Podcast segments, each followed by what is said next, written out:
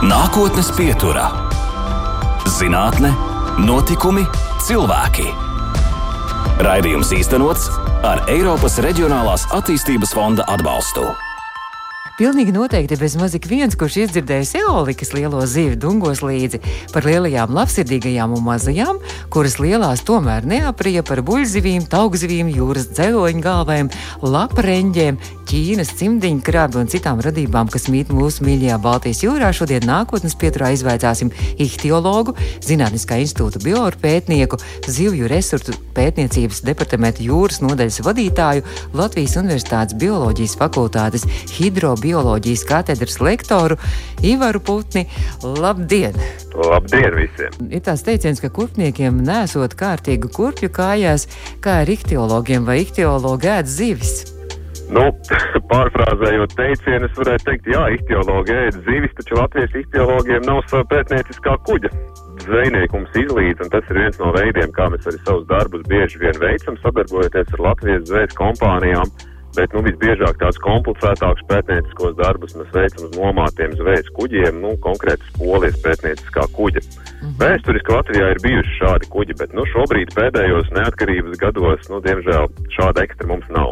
Nu, ja būtu jābūt aprīkotam arī ar dažādām iekārtām un specifiskām lietām, kas tieši jums ir vajadzīgas. Tieši tā mums ir jāuzstāda dažādas iekārtas, un tajā pašā laikā kuģim ir jābūt pietiekami jaudīgam, lai spētu zvejot zivis arī ar ļoti līdzīgām metodēm, kādas tiek lietotas komerciālajā zvejā. Bet runājot par jūsu pētniecību, tad šajā gadā laikam ir jums kopā sadarbības projekts uzsākts Life Reef, kura mērķis ir jūras biotopu un sugu izpēta un tieši Baltijas jūrā. Jā, nu tās, tas ir tāds eh, dabas aizsardzības projekts, ko mēs īstenojam kopā ar Dabas aizsardzības pārvaldu un Latvijas hidroekoloģijas institūtu.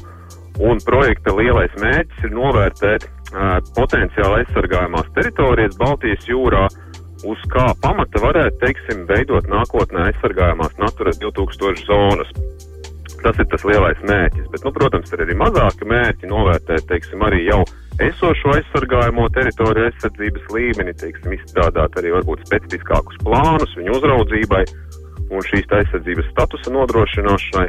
Un tas tāds, nu jā, tāds, nu, visaptverošs, es teiktu, dabas aizsardzības projekts. Baltijas jūrā ir, pēc jūsu projekta spriežot, tad tie tādi galvenie jūras biotopi divi - smilts sēkļi jūrā un akmeņu sēkļi jūrā. Tie ir tie Eiropas nozīmes aizsargājumie biotopi, kas ir sastopami Latvijas ūdeņos.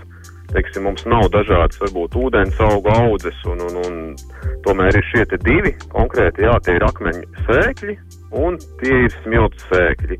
Bet te mēs nerunājam par pašu piekrastes zonu, bet mēs runājam par teritorijām, kas atrodas tālāk no krasta. Teiksim, šos te sēkļus aptver jau lielāki dziļumi. Ja jūs varētu mazliet arī paraksturot vienus un otrus, ar ko tie atšķirās? Akmeņa sēkļi tā tad eh, būtībā sastāv no cietiem nogulumiem, lielākiem vai mazākiem akmeņiem, iežiem.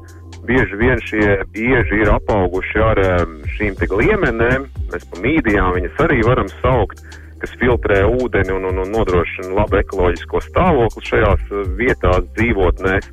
Un, un, un šajos akmeņu sēkļos nereti ir sastopamas arī teiksim, uh, aļģes, sugas dažādas, makrofīta aļģes, teiksim, brūnaļģes, sārtaļģes, kas, kas auguši šiem te iežiem. Un tas viss kopā rada tādu nu, unikālu dzīvotni, kas ir piemērota ļoti daudzām ne tikai zivju, bet arī citu dzīvnieku sugām. Kādām vēl? Vēl tātad šajos uh, biotopos ir sastopami dažādi bezmugurkalnieki, teiksim, jā. Viņi ir ļoti būtiski kā zivju nārsta vietas, viņi ir būtiski kā zivju mazuļu uzturēšanās vietas, jā. Bet, teiksim, par šo te sugu sastopamību arī šobrīd, nu, tas jautājums varbūt man ir arī tāds grūtāk atbildāms, jo patiesībā šie te tāljūras sēkļi, nu, ir diezgan maz pētīti līdz šim bijuši mm. Latvijā. Latvijā. Līdz ar to arī pat no zivju sabiedrības viedokļa mums kā ihtiologiem tas ir ļoti interesants pasākums. Nu, būtībā tā ir tā došanās nezināmajā un, un, un tiešām tāds, nu, atklājēja gars mūsos ir skatoties, teiksim, nākotnes virzienā šo projektu izstrādājot. Tad vēl tie smilšu sēkļi jūrā arī tas otrs biotops. Smilšu sēkļi varbūt ir sugu skaita ziņā nabadzīgāki, teiksim, jo šis te substrāts, nu, ir diezgan tāds tukšne, tuksnešains un, un, un smilšains. Taču joprojām arī šādās vietās tās ir būtiskas gan kā zivju nārsta vietas, gan kā mazaļu uzturēšanās rajoni. Un galu galā arī šajās smiltīs dzīvo daudz un dažādas bezmugurkalnieku sugas, kas, kas arī kalpo gan par barības bāzi zivīm, gan arī, nu, kā gluži vienkārši bioloģiskais daudzveidības komponents. Šis projekts uzsākts ir šajā gadā, un es saprotu, ka diezgan ilgtermiņā turpināsies vairākus gadus.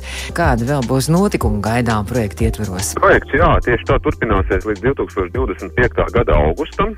Vismaz šobrīd tas ir plānots, nebūs nekādi pagarinājumi. Un tātad šo te piecu gadu laikā ir plānots apsekot trīs šīs te potenciāli aizsargājumās teritorijas, novērtēt gan zivju sabiedrību, gan putnu sabiedrību, gan arī novērtēt šo te zemūdens biotopu struktūru, veicot dažādus zemūdens filmēšanas pasākumus eh, ar, ar, ar advancētākām tehnoloģiskām iekārtām, grunts skenēšanas darbus, teiksim, lai gūtu tādu pilnīgu ainu, kas, kas tad mums tajā tāljūrā atrodas uz šiem sēkļiem. Un vēl liela daļa no aktivitātēm ir saistīta arī ar darbiem piekrastē, teiksim, ar jau esošo aizsargāmo teritoriju novērtēšanu, ar, ar, ar teiksim, nu, kas no mūsu institūta viedokļa varbūt tās, kur mēs vairāk esam iesaistīti, tas ir saistīts arī ar piekrastes zvejas. Padziļinātu analīzi, teiksim, ir doma izstrādāt rekomendācijas, lai samazinātu putnu un zīdītāju piezvēru, nu ne tikai šajās aizsargājumās teritorijās, bet arī vispār piekrastē. Un tad vēl mums ir tāda viena interesanta svežzemes suga apaļais jūras grunduls, kas ir parādījies pēdējos gados Latvijas piekrastē un mm. uzsācis tādu ļoti lielu uzvaras gājienu. Un šī svežzemes sugas populācija mūsdienās ir ļoti augstā līmenī. Un, protams, ka viņš ietekmē šīs vietējās sugas un dzīvotnes. Līdz ar to arī viens no projekta mērķiem ir izstrādāt, teiksim, arī tādas, nu, praktiskus rīcības plānus šo invazīvo sugu ietekmes samazināšanai. Un tieši mēs būtu vairāk atbildīgi par šo apaļo jūras grunduli. Kāpēc šis apaļais jūras grundulis ir tik kaitīgs? Vai viņš arī nav vērtīgs, teiksim, uzturā zvejai, vai tieši otrādi viņš eh, iznīcina tās Baltijas jūrā esošās sugas un nelabvēlīgi ietekmē? Tas, tas efekts, protams, ir divējāds. Nu, jebkura suga, kas vietējai faunai nav raksturīga, nu, viņi var būt potenciāli kaitīga tajā momentā, ja viņi rada teiksim, šo te negatīvo ietekmi uz vietējām sugām. Tāpēc mums arī ir šis termins invazīvās sugas, no ko mēs apzīmējam tās sugas, kuras tiešām rada ļoti būtisku ne, šo te negatīvo ietekmi. Un diezgan droši var teikt, ka arī šis apaļais jūras grunduls ir invazīvā suga, jo vienkārši tā viņa biomasa ir ļoti augsta, un, protams, ka viņš barojās ar šiem te resursiem, kas ir pieejami, samazina barības resursus varbūt vietējām sugām, jā. Ja? Konkurē par šo te dzīvotni, izspiež vietējās sugas no viņa tradicionālās dzīves vietas, un tā ir šī te, nu, lielā negatīvā ietekme uz ekosistēmu. Bet, protams, tas, ko jūs minējāt, arī, nu, ir, nu, ja tā var teikt, pozitīvi efekti. Tas, tas, tas var, protams, kalpot par zvejas objektu, kas arī Latvijā ir noticis, Un daudzās piekrastes eh, pašvaldībās nu, tas ir eh, zvejas objekts numur viens piekrastē, kas, kas, kas, kas nodrošina darba iespējas vietējiem zvejniekiem. Runājot par invazīvajām sugām, tad es saprotu, ka arī tāds dīvains radījums, ko es arī nebiju dzirdējis, Ķīnas cimdiņkrabis, kurš arī laikam ir pieder pie invazīvajām sugām Baltijas jūrā. Jā, Baltijas jūra patiesībā ir ļoti invazīvām sugām mm. bagāta jūra. Nu, un, ja mēs tā paskatāmies, tie nav tikai krabi un zīvis, bet tie ir arī citi mazāki organismi, arī zooplanktona organismi un arī fitoplanktona organismi.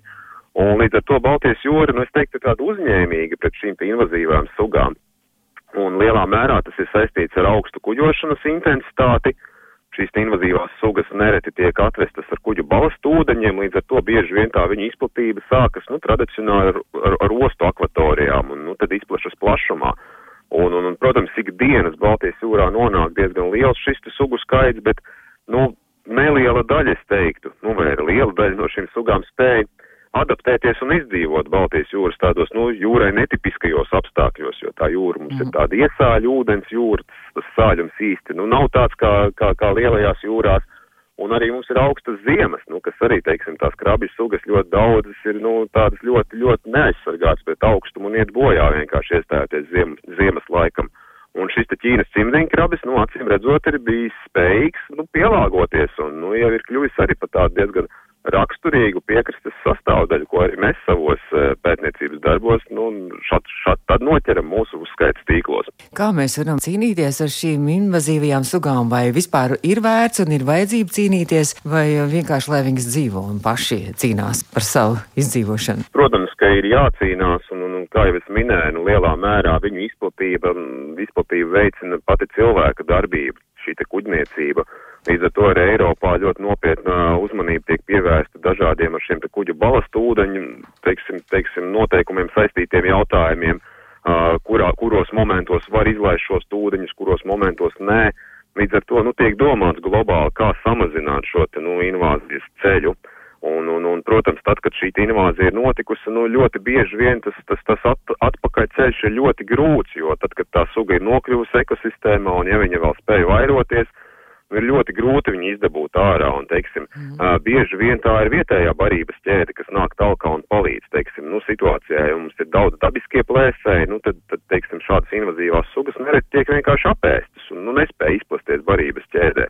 Bet, teiksim, Baltijas jūras apstākļos mums šo dabisko plēsēju ir maz, Nu, līdz ar to, teiksim, tādai sugai kā apaļam jūras grundulim, nu, zveja, komerciālā zveja, nu, tas ir tāds, nu, es teiktu, vienīgais iedarbīgais ierocis, kā var mēģināt samazināt šīs sugas īpatņu blīvumu un izplatību. Nākotnes pieturas attālinātais viesis šodien ir Zinātniskā institūta bioru pētnieks, zivju resursu pētniecības departamenta jūras nodaļas vadītājs Latvijas Universitātes bioloģijas fakultātes hidrobioloģijas katedras lektors Ivars Putnis. Es saprotu, ka ceļā uz doktora grādu joprojām esat, jā? Jā, jā, joprojām esmu. Nākotnes pieturā. Turpinām nākotnes pieturu Latvijas Rādio 2 studijā Baiba, un mūsu attālinātais viesis ir ihtiologs, bioru pētnieks arī Latvijas Universitātes hidrobioloģijas katedras lektors Ivars Putnis. Un, Ivar, mēs jau sākām runāt par šo projektu Life Reef, kurā notiek arī ne tikai tā pētniecība, sēžot savos kabinetos un laboratorijās, bet arī ekspedīcijas dažne dažādas notiek, un arī šovasar viena bija bezgalīgi interesanta, un es saprotu, ka diezgan arī tāda izaicinoša un ekstrēma šī ekspedīcija bija Baltijas jūrā. Tieši tā, jūras darbi vienmēr ir izaicinoši, tīpaši, ja tie tiek veikti tālāk no krasta, tad ļoti daudz ko ietekmē laikapstākļi, ļoti daudz ko ietekmē arī šīs metodes, kuras ir jālieto.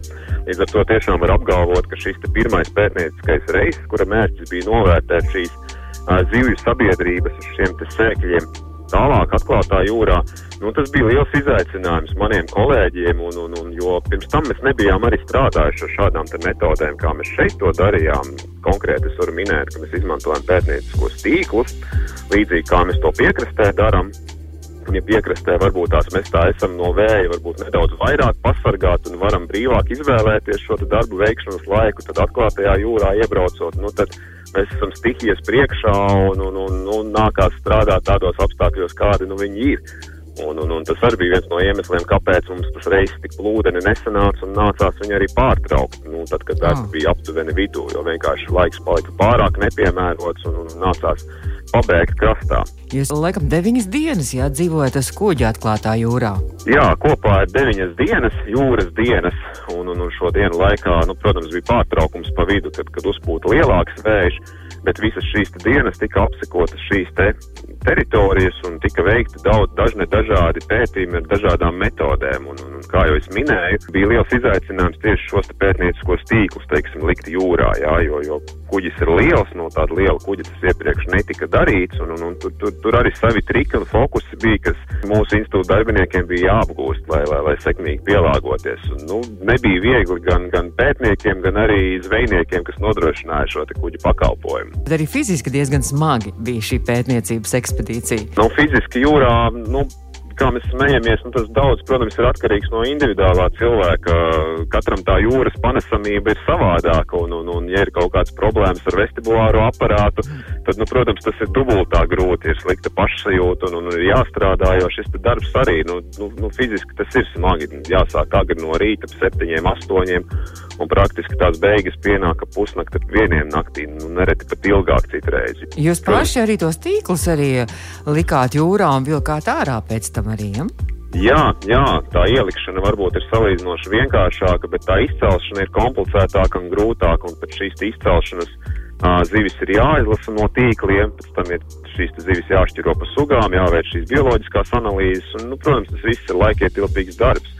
Un tā ir tikai viena metode. Nu, es nepieminēju, mēs paralēli arī centāmies zivis uzskaitīt ar hidroakustiskām metodēm. Tas ir tādu nu, līdzīgi kā makšķerniekiem ir eholotes.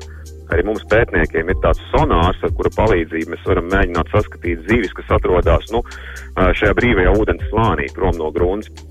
Un tad, veicot kontrolu tralējumus, mēs varam saprast, kas notiek arī šajā pusūdenī. Tā kā arī šādus darbus mēs centāmies iekomīt, ie, iekombinēt pa vidu. Tāpat mēs centāmies novērtēt e, zivju ikru, ikru un kāpuru sastopamību. Tur ir tādi mazāki tīkliņi, ko met ūdeni iekšā un velk laukā būtībā izfiltrējot šos ikrus un kāpurus no ūdens slāņa. Jo, teiksim, nu, svarīgi saprast, kāda ir šo dzīvotņu loma ne tikai pieaugušām zivīm, bet arī no nu, agrīnajās attīstības stadijās, arī, teiksim, kā nārsta vietām. Un kas man pašam likās arī ļoti interesanti, šis bija arī viens no pirmajiem reisiem, kad mēs izmantojām Latvijā ražotu zemūdens kameru, lai paskatītos, kas tad notiek piegruntas slānī. Tas ir tāds, nu, varētu teikt, maziņš robotiņš, ko mēs vadam ar pulti no kuģa kurš atrodas 150 metru gara kabeļa galā, un kas mums ļauj kvalitatīvi uzfilmēt ar kameru, ar apgaismojumu šīs grunts struktūras un saprast, nu, kā tur īsti izskatās apakšā. Un tas ļoti palīdz noraksturot, nu, teiksim, šo te vietu, kur mēs esam zivis ķēruši ar tīkliem vai tralējuši, saprast, kas tur īsti apakšā, kā tā istaba izskatās, kur viņas dzīvo. Bet tas visai interesanti. Es domāju, Baltijas jūra taču nemaz nav tik liela un liekas, ka Baltijas jūra ir izpētīta, bet redz, kā izrādās, ka nekā. Nu jā, nu Baltijas jūra jau vispār skaitās nu, pasaules mērogā viena no visvairāk pētītajām jūrām. Taču es teiktu, ka Baltijas jūra ir arī ļoti mainīga un daudzveidīga jūra. Mums, mums ļoti ir, ir šī vide mainīga, tīpaši no ziemeļiem uz dienvidiem virzienā skatoties. Un uh, lielā mērā arī te ir vērts runāt par šīm metodēm, ar kādām tiek strādāts. Jo, teiksim, nu, es varu pastāstīt to, ka mēs katru gadu dodamies šajā atklātajā jūrā un novērtējam gan, gan peleģiskās zivis, gan bentiskās zivis ar, ar dažādām standarta metodēm. Un līdz šim, teiksim, ja mēs runājam par šiem zivīm, kas dzīvo piegrunts slānī, nu tā galvenā metode ir bijusi kontrola tralēšana ar tādu lielu trali, kas tiek vilkts pa grunti. Un skaidrs, ka šo trali var vilkt vietās, kur ir laba grunts, piemērota grunts, līdz ar to mums šie rifi, akmeņu rifi tīpaši, nu tās ir tādas teritorijas, kas līdz šim faktiski nav apsekotas, jo vienkārši ar esošo metodi, nu tad to nav bijis iespējams izdarīt. Tāpēc arī tas ir tāds liels izaicinājums izmēģināt jaunu metodi un paskatīties, teiksim, tajos laukumos, pa ko mēs iepriekš, nu, neesam neko īpaši zinājuši. Vai mēs varam jau runāt par arī kādiem nezināmiem un jauniem atklājumiem un arī pārsteigumiem šajā ekspedīcijā? Tas mums, kā pētniekiem, viens no lielajiem jautājumiem bija, kas notiek ar šo svešzemes sugu apaļo jūras gruntu. Ja? Jo, kā jau es minēju, līdz šim piekrastē viņš izplatās diezgan strauji. Tā viņa populācija ir ļoti, ļoti ap, apmērā liela. Un viņš arī izēra šīs mīdijas, šīs ziemeļēdamgliemenes, šos mazos moluskus, kas filtrē ūdeni. To mums arī hidroekoloģijas institūta kolēģi ir apstiprinājuši, ka šīs molusku audzes, nu, samazinās piekrastē. Un tad bija jautājums, tas nezināmais, nu, kas tad notiek šajos rifos, vai tas apaļais jūras grunduls ir ticis līdz šiem rifiem un arī izēt tur esošās ēdamgliemenes, jeb nē. Un tad šobrīd šis pirmais pētījums, pirmais reizes parādīja, ka tomēr apaļā jūras grunduļu koncentrācija tur ir ļoti maza, šīs mīdija audzes ir ļoti bagātīgas, un izskatās, ka šis, šis svežzemju viesis nav vēl ticis līdz šiem biotopiem. Bet, nu, laiks rādīs, jo patiesībā šīm sugām arī izplatība mainās telp, telpiski sezonāli, jā. Tieši tāpēc mēs esam iecerējuši vairākus reisus arī dažādās sezonās, un nu, paskatīsimies, kas teiksim, notiek vēlākā rudenī, ziemā, pavasarī. Nu, iespējams, ka šajā sezonā šis nelūgtais ciemiņš būs ticis arī līdz šīm te mhm. aizsargājumām teritorijām.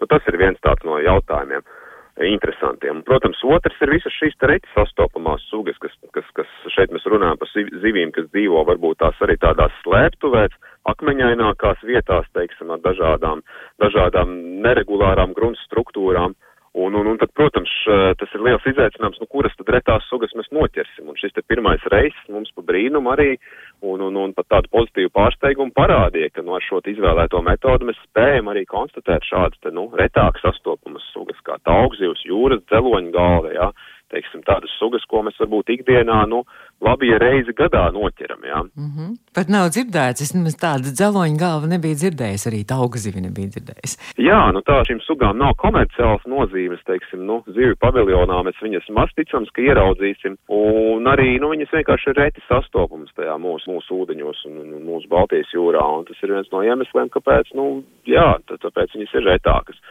Un, protams, bet šeit mēs runājam arī daudz sugas ir tādas, kurām Baltijas jūra varbūt ir galīgā izplatības robeža, jo, kā jau es teicu, nu, Baltijas jūrā šie vides apstākļi atšķirās no, teiksim, Ziemeļjūras, jā.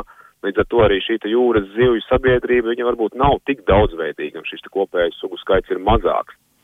Bet nu, tajā pašā laikā ir šādas dažādas interesantas sugas, kas veido šo bioloģisko daudzveidību. Un, kā jau es smējos, nu, savā karjeras laikā, teiksim, jūras dzeloņgalvi, nu, es nekad nebiju dabā redzējis. Jā, mm. šis tāds pirmais, pirmā reize, kad kolēģi man parādīja, kāda viņi izskatās. Jā.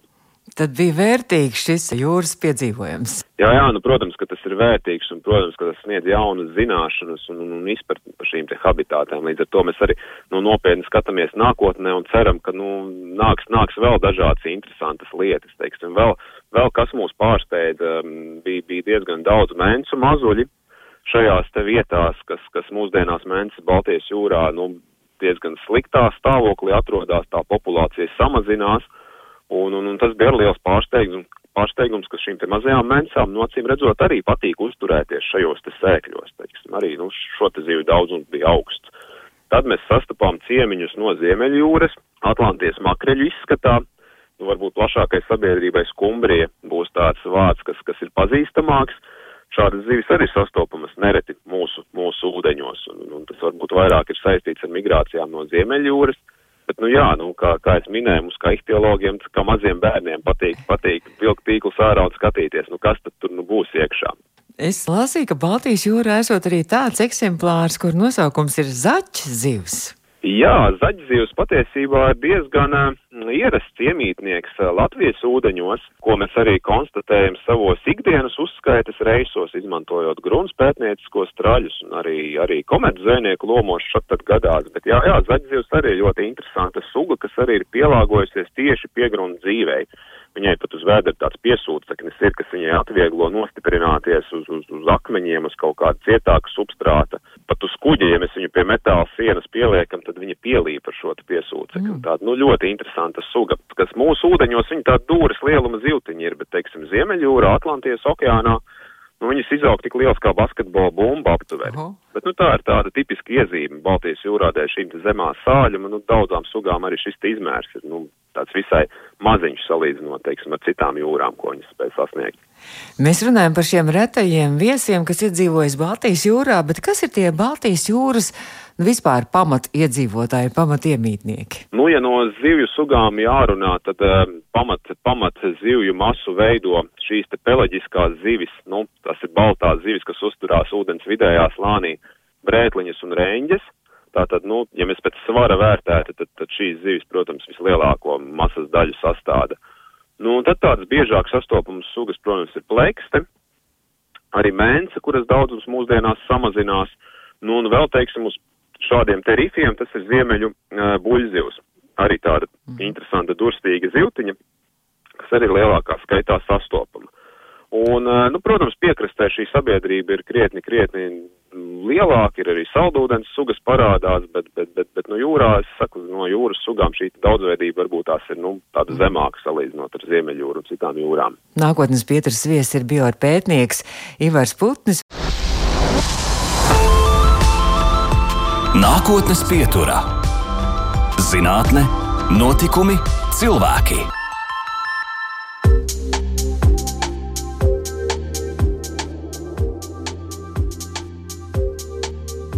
Mēs turpinām nākotnes pieturu, un nākotnes pieturā šodien attālināt viesojas Latvijas Universitātes hidrobioloģijas katedras lektors Ivars Putnis, arī bioru pētnieks, zivju pētniecības departamenta jūras nodaļas vadītājs, un tad mazliet arī par jūsu bioru.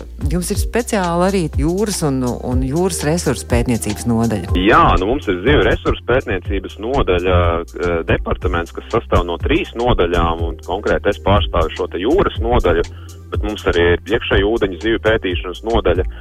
Līdz ar to nu, es vairāk varu pastāstīt par šiem jūras pētījumiem. Tas mūsu galvenais nodaļas mērķis ir novērtēt jūras zivju populāciju stāvokli.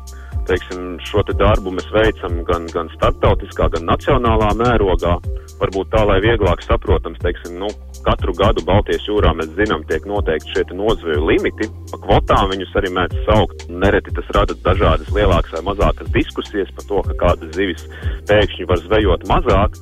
Un tad mūsu, mūsu pētnieku mērķis ir, teiksim, veikt šo zivju krājumu novērtējumu un sniegt šo zinātnisko padomu, uz kā pamata jau var balstīt šīs, nu, šos politiskos lēmumus. Un par šīm startautiski regulējumām zivs sugām no Latvijas ūdeņos tā ir reņģa, brētliņa, mence, arī lasis. teiksim, teiksim, teiksim, šo te zivju krājumu novērtējumu mēs veicam Baltijas jūras tādā starptautisko valstu līmenī, tāda organizācija starptautiskā jūras pētniecības padome, kas, kas, kas apkopo dažādu valstu ekspertus, kas vienreiz gadā tiekās, atved savus datus, kas viņiem ir pieejami un kopā veic šo zivju populācijas stāvokļu novērtēšanu un tad, nu, nodrošina šo zinātnisko padomu jau Eiropas lēmēju institūcijām. Jā. Tas ir viens tāds ļoti liels un būtisks virziens, jā, nu, lai nodrošinātu to, ka nākotnē nebūs šīs pārzveju problēmas un, un, un lai šīs zivju populācijas varētu censties ilgspējīgi apsaimniekot. Un otrs, protams, virziens ir zinātniskā padoma šis te šī, šī ražošana nacionālā līmenī. Mums ir vairākas sugas, tas pats arī apaļais jūras grundulis, arī citas varbūt piekrastē vairāk zvejotas sugas kur mēs arī veicam šo populācijas novērtējumu un sniedzam atzinumu zemkopības ministrijai, teiksim, kā būtu jāveic šī zvēs regulācija un, un, un teiksim, nu, kā būtu jānodrošina šī zivju resursu ilgspējīga izmantošana. Un tas ir tāds varbūt galvenais virziens, bet nu, tas tā ļoti, ļoti plaši runājot. Nu, protams, nu, ir arī dažādas smalkākas lietas, arī dažādi šādi projekti, kuros mēs iesaistamies un arī nu, veicam tādus jau vairāk vides pētījumus. Un kā mēs smejamies, tad arī laika gaitā mēs esam attīstījušies. Ja kādreiz varbūt tās nomājot šos pētnieciskos kuģus un dodoties jūrā, tad galvenais uzsvars bija uz zivīm. Tad pēdējos gados mēs esam uh, vairāk arī sākuši pētīt šo vidi, arī jūras piesārņojumu, teiksim, arī šos, šo, šos zooplanktonu, teiksim, kā zivju barības bāzes daudzumu, arī šos vides parametrus. Tādā ziņā šie kuģi ir kļuvuši par tādām, nu, peldošām laboratorijām, kā arī mums kolēģi mīl salīdzināt, kas, kas mums ļauj uh, savākt pēc iespējas vairāk vidi raksturojošus datus, nu, kas, kas, kas kaut kādā mērā palīdz uzlabot tās mūsu zināšanas par šo jūras sistēmu. Jo, jo joprojām es teiktu, nu, neraugoties uz to, ka tā jūra ir plaši pētīta, Uh, viņa ir mainīga, laika gaitā mainās klimats, mainās šī jūras ekosistēma, līdz ar to arī mainās šīs sugu miedarbība. Līdz ar to tās vides zināšanas ir ļoti būtiskas, lai mēs mhm. spētu saprast, kas šeit, šeit mums piegulošajos ūdeņos notiek. Laikam viens no tiem startautiskajiem sadarbības projektiem arī bija šis Bluewebs, kur jūs pētījāt arī iespējas Baltijas jūras mainīgajā varības ķēdē par izaugsmas iespējām.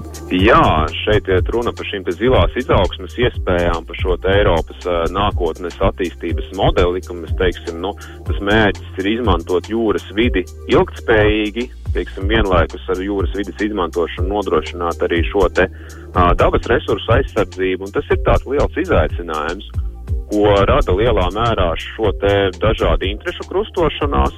Un es teiktu, vēl lielākā mērā šo izaicinājumu ietekmē klimata izmaiņas, kas nākotnē, nu, kā mēs daudz esam dzirdējuši, ir, ir sagaidāmas.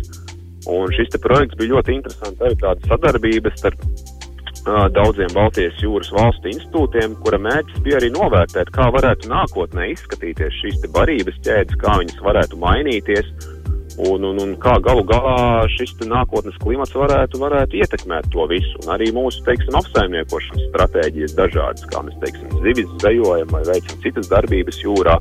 Nu, līdz ar to šis bija tāds pētījums, kur arī, kurš arī mums ļāva izmantot šīs datorindas, kas mūsu rīcībā bija pieejamas. Un, un, manuprāt, ļoti interesants nu, pētījums bija, kura ietveros mēs varējām paspēlēties ar šīm te, nu, nākotnes prognozēm, kā tad varētu tas viss izskatīties. Jo gal galā Baltijas jūra jau apdzīvo ne tikai Latviju, bet ir ļoti daudz valstis, kuras apskalo Baltijas jūru. Tā kā visiem tomēr ir kopā droši vien jādarbojas projektos un arī dažādās modelēšanas arī prognozēs. Nu, protams, nu, tas ir, ir tas iemesls, teiksim, ja mēs vēlamies veikt šo zivju populāciju novērtējumu visas Baltijas jūras mērogā. Nu, tad arī mums ir jāapkopo vis, visa informācija, visi nozveja dati, visi pētniecības dati no visām Baltijas jūras valstīm. Jo zivis jau nepazīst tās robežas, viņas brīvi pārvietojas pa visu jūru, un līdz ar to arī šī pētniecība, nu, viņa tiek starptautiski koordinēta tā, lai nu, mēs, mēs sasniegtu pēc iespējas labāku šo zināšanu līmeni un rezultātu. Jā, un arī šādi te atsevišķi projekti, šādas iniciatīvas nu, arī lieliski palīdz uzlabot teiksim, šīs zināšanas un saprast, kā tā vide varētu ilgtermiņā funkcionēt. Man jāsaka liela paldies, ka jūs atradāt laiku viesoties nākotnes pietrā un droši vien varbūt arī mūsu klausītāji nākamajā vasarā, tagad jau sezona beigusies, dodoties uz jūru, tad arī varbūt ar citām acīm palūkosies arī uz Baltijas jūru un padomās par tiem iemītniekiem, kas tur mīt un par tiem brīnumiem un interesantajiem pārsteigumiem. Bet tā kā rādījums skan brīvdienā, tad Varbūt, ka jūs varētu arī klausītājiem ieteikt kādu no savas pieredzes, kādu pasākumu, kādu notikumu, ko piedzīvot brīvdienās, kā skaisti pavadīt brīvdienas saturīgi, droši vien ne jau makšķerēt, vai ne? nu, tas ir pirmais, kas man iešāvās prātā. No, jo, jo, protams, es esmu liels makšķernieks oh. arī, un, un, un tas, tas lielā mērā arī mani noveda pie šīs profesijas izvēles. Bet, nu, tā kopumā runājot, protams, es aicinātu doties dabā. Vai nu pie jūras, vai nu mežos, nu, baudīt dabu, manuprāt, nu, Latvijas daba ir ļoti skaista un palīdz atslēgties no šīs ikdienas rutīnas un steigas, un, un, un nu, nu, tas ir tas aicinājums. Nu, kāpēc ne makšķerēt? Un kur tad tās labākās makšķerēšanas vietas ir? Vai to drīkst atklāt? Nu, tāpat kā sēņošanas vietas, uh, Latvijas, Latvijas ir neatklāta, tāpat arī makšķerēšanas vietas. Nu, protams, katram ir savas un individuāls. Un, un, un, nu, ko es varu teikt, nu, kā ihtiologs, nu, makšķerēt ir iespējams daudz un dažādās vietās, varbūt pat tādās, kas, nu, reizēm, nu, neienāk prātā, un, manuprāt, tādam īstam rūdītam makšķerniekam jau, nu, tas azarts ir pašam atrast to savu vietu un pašam atrast to savu zelta punktu, pēc tam gūt gandarījumu no tā visa, nu, nevis kaut kur ietekmēties no citu stāstītā. Un droši vien ne tikai tas azarts un tas gandarījums, bet droši vien arī ir makšķerēšana, man liekas, ir tāda lieta, uh, kas eh, ļoti sakārto galvu un iztīra galvu un sakārto domas, droši vien arī tas miers klusums apkārt. Simtprocentīgi piekrītu, jo nu, tas ir tāds mediatīvs process, kas tiešām palīdz atslēgties un, un, un nedomāt varbūt par to, kas ikdienā nodarbina to prātu un, un varbūt koncentrēties uz, uz, kaut, uz kaut kādām citām lietām. Un nevienmēr varbūt tā noķertā zivs ir tas galvenais baudas rādītājs, bet, nu, patiesībā labi pavadīta diena dabā, labi pavadīta diena uz ūdeņiem, uh, Un, un, un tas ir tāds, nu, kā man viens arī draugs un kolēģis minēja, tas ir tas patīkamais nogurums, kā mums dabiski vajadzētu nogurt. Nu, strādājot, ejot dabā, do, dodoties apkārt, nu, nevis sēžot pie datora, varbūt no rīta līdz vakaram salīkuši muguru krēslā, bet, nu, šis ir tas, jā, tiešām tas, tas gandarījums pēc tādas dienas dabā, manuprāt, ir, nu, neatsverams. Tieši tā. Es saku lielu paldies, ka jūs ziedojāt un veltījāt laiku mums Latvijas Rādio 2 klausītājiem un nākotnes pieturē.